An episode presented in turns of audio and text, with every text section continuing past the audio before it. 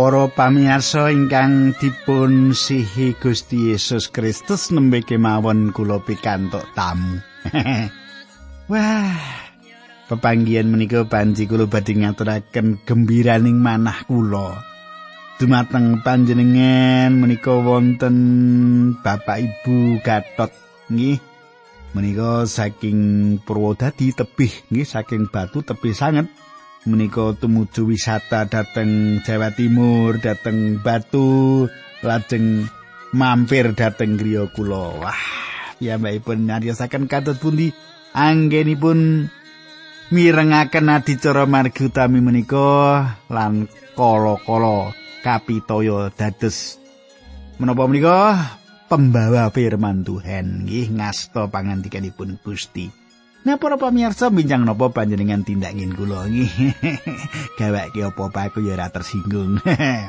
nah para pamirsa kula pendito pujianta badhe sesarengan kalian panjenengan wonten ing sawetara wekdal menika lan inggih menika kados padatan wonten ing salebetipun adicara margi utami.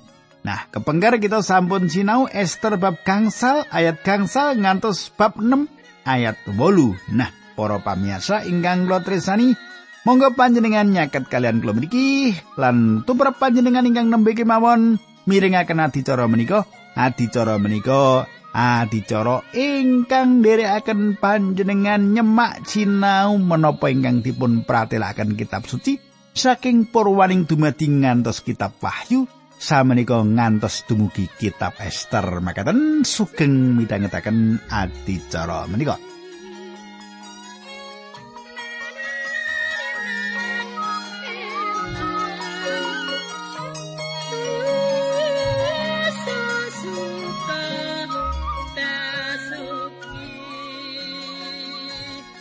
Para pamirsa ingkang kula tresnani, paling boten kula badhe ngaturaken singkat ringkes menapa ingkang kula aturaken duk nalika pepanggihan kepengker. Ing pepanggihan kepengker kita sampun nyemak kados pundi Haman meratelaken dumateng Sang Prabu matur dumateng Sang Prabu perkawis ingkang kedah dipun tindakaken dumateng tiang ingkang dados keparingipun raja. Nah para pamirsa kita badhe nglajengaken kitab Esther salajengipun inggih menika saking Esther bab 6 ayatipun sedoso nggih ngantos bab pitu ayat sedoso makaten nggih. Monggo kita tumungkul saderengipun kita lajengaken. Duh Kanjeng Rama ingkang kawula sambat sebuti wonten ing asmanipun Gusti kawula Yesus Kristus. Kawula ngaturaken gunging panuwun menawi wekdal menika kawula saged tetunggilan kalian sederek-sederek kawula ingkang setya tuhu midhangetaken adicara menika. Kawula nyuwun paduka berkahi kawula menawi wonten ingkang saged paduka sarasaken. Linambaran asmanipun Gusti Yesus Kristus kawula ndedonga haleluya. Amin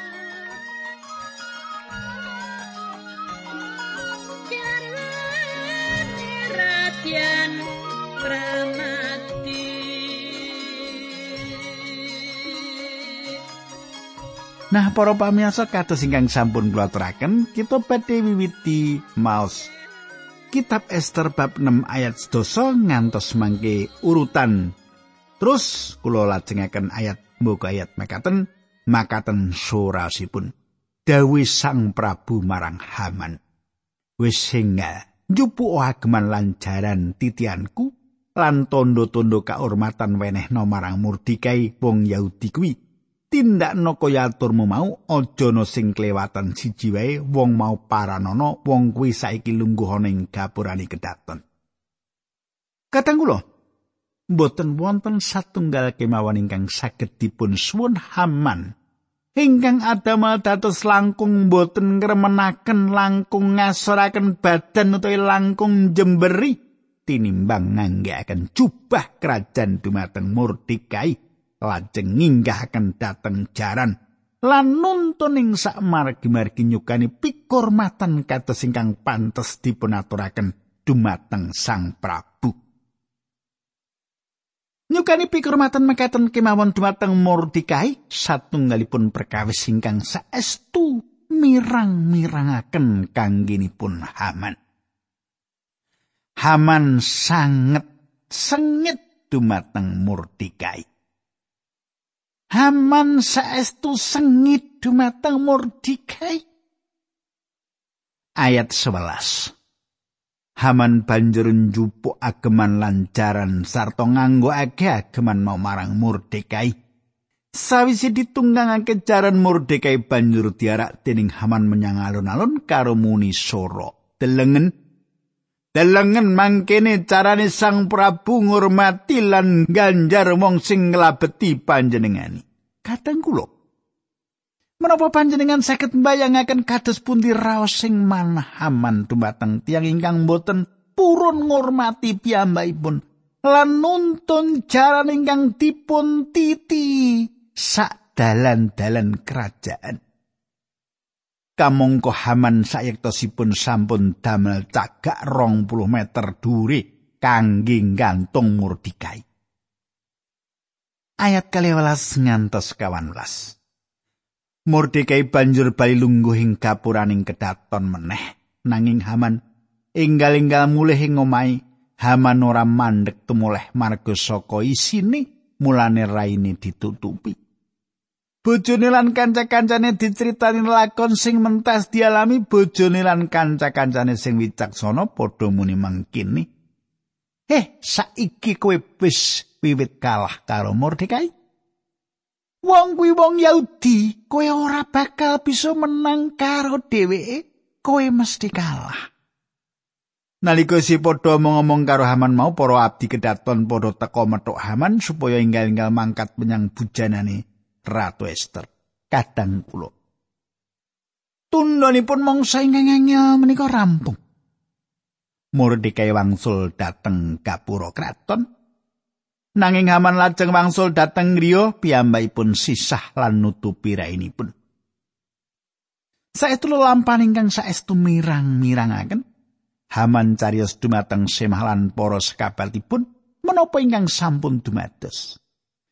Samukawis dumados cepet sanget lan saestu nyesai dadanipun. Nanging mboten dangu para abdi kedaton sami ngemotaken bilih Haman dipun ulemi sang ratu lan sedaya tetedan bujana sampun cemawis lan Haman sampun janji menawi badhe dumuging bujana menika. Panjenengan imut. Haman sangat kepingin dumuging bujana menika. Lajeng ngegungaken badanipun pilih namung piyambakipun kemawon ingkang dipun ulemi sang ratu sesarengan kalian sang prabu piyambakipun badhe dumuging bujana ingkang sampun dipun antos-antos menika lan piyambakipun radi telat nanging prastawa-prastawa menika saestu cepet sanget kanthi makaten Haman boten saged ngimbangi prastawa-prastawa menika. Katang kula, perkawis-perkawis wiwit dumados lan menika sanget ngrugikaken. Piyambakipun boten saged ngendhaleni kahanan. Menapa panjenengan mangertos kenging menapa? Awit Gusti Allah kemawon ingkang saged ngendhaleni samukais kahanan lan ingkang damel rancangan sedaya pambudidayanipun Haman nemai kegagalan. Para pamirsa samenika kita ngancik ing kitab Esther bab pitu. Cobi panjenengan semak menawi panjenengan sampun nyawisaken kitab suci ayat tunggal lan kalih. Sang Prabu lan Haman padha dahar lan ngunjuk meneh karo Ratu Esther sinambi ngunjuk anggur Sang Prabu ndangu meneh marang Esther prameswariku. Koe kepengin apa? Maturo. Mesti ndak sembadani senadan sing kok suwun mau separoning kratonku. Para pamirsa. Ing wekdal aman dateng bujana menika raosipun manah mboten jenjem. Manahipun deg-degan awit sang ratu ngulemi nedha ing wanci dalu. Piyambakipun tasih ical semangatipun awit pikur matan ingkang dipun tindakaken dumateng Mordekai. Ngantos dumugi mriku kula gadah pemanggih menawi Haman boten mangertos kenging menapa Mordekai nampi pikor matan ingkang sadangunipun menika boten dipun petang Samenika Esther budidaya dipun wantun-wantunaken ing dinten kaping kalipun kangge matur dumateng Sang Prabu menapa ingkang wonten ing salebeting manahipun. Piyambakipun boten saged matur dinten saderengipun nanging samenika piyambakipun sampun siap sepindah malih Sang Prabu mangsuli menapa ingkang sampun dipun ngendikaaken dumateng Ester Sang Raja badhe maringi sepalih saking kerajaanipun kratonipun inggih menika ingkang kaping tiganipun Sang Prabu nyuwun pirsa Sang Ratu menapa ingkang wonten ing pikiranipun Kita lajengaken ayat 3 lan sekawan. atur wangsulane Ester. Menawi Sang Prabu dangan ing penggalih kula nyuwun supados kula lan bangsa kula kaparing ana gesang. Sebab kula lan bangsa kula sampun kasadi badhe katumpes. Menawi namung kasadi dados rencang tumbasan, kula badhe manut lan boten badhe ngribeti Sang Prabu. Nanging samenika kula sami badhe dipun tumpeserna kadang kula. ing wedal semanten Ester nglairaken sedaya ingkang andadosaken piyambakipun ajri. Saya sang Prabu Sohaman kaget awit boten wonten ingkang mangertos Ester menika bangsa menapa. Panyuwunipun inggih menika gesangipun piyambakipun lan bangsanipun wonten ing kahanan bebayani. Ing wedal Ester nderek pagelaran ayu-ayunan. Mordekai sampun pesan supados mboten nedahaken bilih piyambakipun menika tiang Yahudi. Dados Esther andadosaken asal usulipun menika wadi Haman. Kados ingkang panjenengan mangertos sampun nampani dawuh Sang Prabu supados nyirnakaken sedaya tiang Yahudi. Piyambakipun boten mangertos menawi Sang Ratu menika tiang Yahudi. Samenika Esther nedahaken sinten to piyambakipun menika. Liripun Esther ngakeni bangsa menika piyambakipun lan menapa agaminipun lan Allah sesembahanipun. kadang kula. Ester gadah kekajengan. Sang Prabu mangertos bilih bangsa Yahudi dipun kianati lan kedatipun serna minangka satunggalipun bangsa. Sang Prabu saestu estu kaget. Sinten ingkang wantun badhe mejahi Sang Ratu? Lan sinten ingkang wantun nyirnakaken bangsanipun Sang Ratu? Menapa ingkang dipun aturaken Ester saestu satunggalipun pratela ingkang saestu ngagetaken Sang Prabu. Ratu saha bangsanipun badhe kasirnakaken. Ayat gangsal.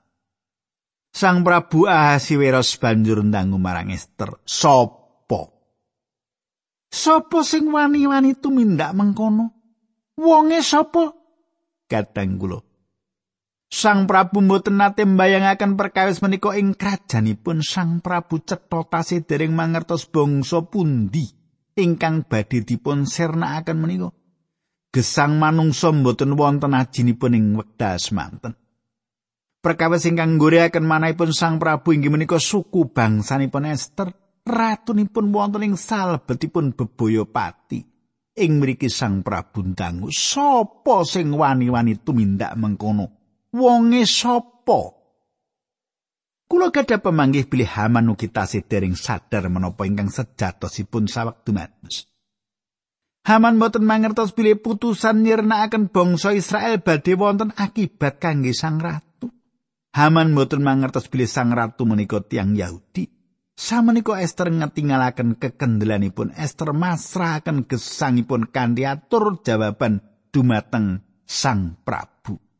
ayat 6 atur wangsulan Ester. Haman pun durjana menika mangsa ingkang badhe nganiaya dhateng kula sedaya. Haman ngingetake Sang Prabu lan Sang Ratu karo gumeter. Kadang kula Haman jenger mboten kumecap. Piyambakipun kaget sesampunipun mangertos bilih Sang Ratu Ester menika tiang Yahudi. Gusti Allah karya wonten ing salebetipun prastawa prastawa Gusti Allah sawek mirsani umat kagunganipun boten wonten gaman menapa kemawon ingkang tumomo ing bangsa Israel.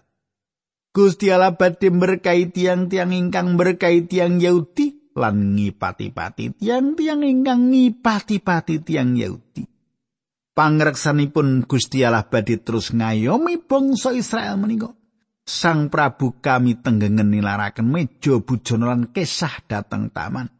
Sak mbotenipun Sang Prabu ngraosaken akibat saking menapa ingkang dumados awit saking menika Sang Prabu nilaraken meja bujana supados saged menggaliaken perkawis ingkang dumados menika. Ayat pitu. Sang Prabu duka banget.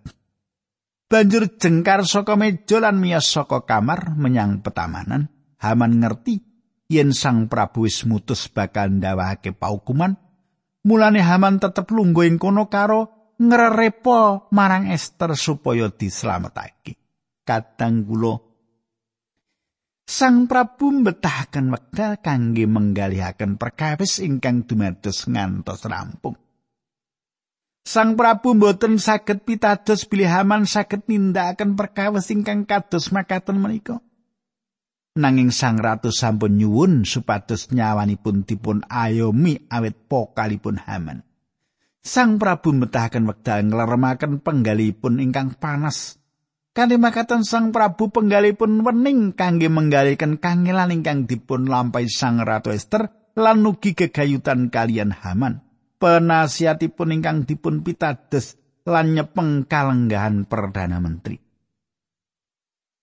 Ing wedha Sang Prabu mlampahing taman Haman lenggah nyuwun sih kawelasan dumateng Ester Sang Ratu. Tiang menika saestu cetek nalaripun kanthi nyuwun tiang sanes dipun hukum pecah nanging samenika mintalipun dados abdi. Haman berangkang ing sukune Sang Ratu. Haman sadar bilih Sang Prabu mboten badhe ngejaraken perkawis menika dumados makaten kemawon lan paukuman badhe kadawaken dumateng piyambakipun. Haman mangertos bilih Esther menika satunggal satunggalipun ingkang dados pengajeng-ajengipun. Haman saestu ajrih sanget. Ayat 8. Saka semplai ngatine Haman ngrungkepi dipane Esther karo nyuwun ngapura. Dumadaan wektu semono Sang Prabu mlebet saka petamanan persa tumindai Haman sing mengkono mau Sang Prabu. Loh, wis mengkono isih wani arep nyembranani sang ratu ana kene. Ing ngarepe mripatku lan ing kedatonku dhewe. Sawise sang Prabu ngendika mengkono para abdi kraton padha teka lan nutupi sirai Haman. Kadang kula Emetalaman nyuwun sih kawelasan atas nyawanipun. Piyambakipun ningali pilih mboten wonten pengajeng-ajeng malih. Panjenengan katasaken bilih sang raja Ahasiweros dereng nyukani dawuh menapa-menapa. Sang Prabu nembe wangsul saking taman. Ningali menapa ingkang dumados damel pratela lan tiang-tiang ingkang wonten ing mriku mangertos menapa ingkang kedah dipun tindakaken. Perlu dipun katasaken lan perlu dipun serat pilih para abdi menika mboten nindakaken menapa-menapa sakderengipun Sang Prabu ngendikan. Para abdi kala wau namung jumeneng lan ningali menapa ingkang dumados panjenengan semak Sang Ratu dereng nyuwun pitulungan. Sang Ratu Ester adrih sanget lan panci manahipun kasinungan raos adrih nyuwun pitulungan. Nanging wedal Sang Prabu paring pangandikan para abdi ingkang badanipun ageng lan prakoso menika jumangkah majeng lan nyeret haman. Piyambakipun boten namung dipun jagi dening prajurit ingkang jagi kraton nanging piyambakipun ugi dipun kunjara ayat 9 ana abdi jenenge Harbona matur Sang Prabu. Ing griyanipun Haman wonten cagak gantungan ingkang inggilipun kalih likur meter cagak wau dipun dekaken Haman badhe kangge gantung Mordikai tiang ingkang milu jengaken yuswanipun Sang Prabu. Sang Prabu banjur dawuh Haman gantungan ana ing cagak kono Wusana Haman digantung ing cagak sing didekake dhewe kanggo Mordekai sawise mengkono dukane Sang Prabu lagi nilih. Kadang kula Sang Prabu mboten bucal wekdal. Sang Prabu mboten namung ngunjara pengageng menika Sang Prabu kidados ingkang nyepeng pengadilan inggil. Haman pecaing dalu ingkang sami ing wekdal piyambakipun nyawisaken cagak kangge gantung Mordekai. Lelampan menika satunggalipun pratela saking kaitosan ingkang lumampah terus babakan pangandikanipun Gusti Allah ingkang kalairaken. Paulus meratelaken dumateng tiang pitados sing Galatia 6 ayat pitu. Aja ngapusi awakmu dhewe Gusti Allah ora kena digawe keguyon. saben wong bakal ngunduh apa sing disebar. Para pamirsa perlu dados kawigatosan kita. Cagak ingkang kedahipun kangge gantung tiang ingkang boten dosa malah inggih ing cagak menika Haman dipun gantung. Yakub nglampahi perkawis ingkang memper makaten. Piyambakipun ngapusi bapakipun Yakub satunggalipun nem-neman ingkang wasis. Piyambakipun ngagem rasuanipun iso. Eso ngambulan sanjang aku mambu anakku iso. Ewedat semanten tiang-tiang menika dereng gadah lisah wangi. Lan kula matur panjenengan wedha iso mlebet sinaosa panjenengan boten mireng swantenipun nanging saking ngambetipun panjenengan mangertos pilih menika iso. Lan kados mangkaten Yakub ngagem rasukan kulit mendo ing lengenipun lan Adam iska mulungaken tanganipun lan janjang. Rasane kok kaya dheweke. Yakub gadah pikiran ingkang wasis. Yakub menika Gusti Allah nanging Gusti Allah mboten purun nguwalaken piyambakipun saking menapa ingkang sampun dipun tindakaken ing satunggalipun dinten wekdal piyambakipun sampun sepuh lan dados bapak saking kalih welas lari jaler lari-lari menika mbeto jubah indah ingkang sampun dipun ciprati rahmindo lan lari-lari menika sanjang rak menika jubah putra panjenengan Yakub nangis piyambakipun ugi dipun apusi gegayutan kalian lari ingkang dipun sihi. Kadang kula Paulus kathah mangertos perkawis gegayutan kaleksananipun angger-angger menika ing salebeting pengalamanipun piyambak. Paulus menika tiyang ingkang ketingalipun nyukani perintah supados ngrajam Stefanus, piyambakipun menika tiyang ingkang gadah panguwaos. Nanging piyambakipun boten saged uwal saking menapa ingkang sampun dipun tindakaken. Panjenengan saged ugi ngandika, "Yo, dheweke wis mertobat. Dheweke sowan Sang Kristus lan dosa-dosane diapura." Inggih. Dosa-dosanipun sampun dipun apunten. Nanging kutuk menika sinaosa sampun dateng pundi-pundi wangsul dateng kandhangipun.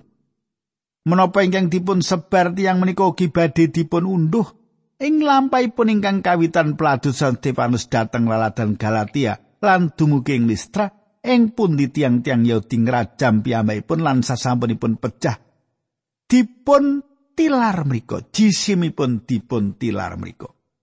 Paulus sampun ngraosaken saking pratela makaten apa kang ditandur wong yaiku kang bakal diunduh. Gusti Allah mboten kok guyon. Kadang kula Haman nglampahi lelampahan ingkang sami piyambakipun dugeni bujana lan ing salebetipun bujana menika piyambakipun mangertos akibat saking menapa ingkang dipun tindakaken. Mazmur tigang dosa pitu ayat tigang dosa gangsal ngantos tigang dosa nem ratelaaken. Aku weruh ana wong duraka sing prakoso lan angkuh. Sing uripe branggah kaya wit eras ing Libanon. Bareng aku liwat ing kono wong mau wis ora ana senadan ndak goleki meksa ketemu. Panjenengan pirengaken menapa ingkang dipun pratelakaken priyantun ingkang nyerat Mazmur saestu ndudut manah. Panjenengan saged dados tiyang ingkang awon menawi panjenengan gadah kekajengan makaten. Panjenengan saged nindakaken perkawis ingkang lelawanan kalian kersanipun Gusti Allah lan ugi rancanganipun Gusti Allah gegayutan kalian panjenengan piyambak. Nanging panjenengan boten badhe saged ngawonaken Gusti Allah awit pinatos sing panjenengan menika. Inggih menika ingkang dumados atas Haman. Kadang kula panjenengan lan kula lepat dados tiang dosa ing ngarsanipun Gusti Allah.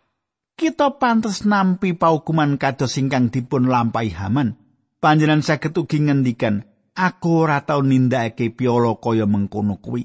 Sinten ingkang sanjang panjenengan nate nindakaken kados Haman? Nanging kaleresan panjenengan gadah sifat manungsa ingkang memper kados piyambakipun. Ingkang balelo dumateng kersanipun Gusti Allah. Ingkang lumawan dumateng Gusti Allah. Lan wonten ing kahanan ingkang kados makaten menika katang kula ing wekdal panjenengan sampun pecah awit panerak panerak lan dosa-dosa panjenengan Sang Kristus sedo kagem panjenengan. Gentosi panjenengan wonten ing kajeng salib.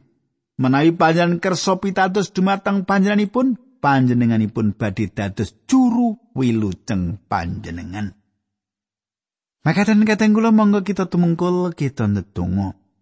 Duh Kanjeng Rama ing swarga kawula ngaturaken gunging panuwun Menawi wekdal menika kawula saged ngrampungaken pasinon kita babagan kalian kayektosan lan kalersan. Lan kawula ngaturaken kuing panuwun menawi kawula saged sinau kados pundi Gusti Allah ngreksa umat pilihanipun. Dinambaran asmanipun Gusti Yesus Kristus kawula netunggal haleluya amin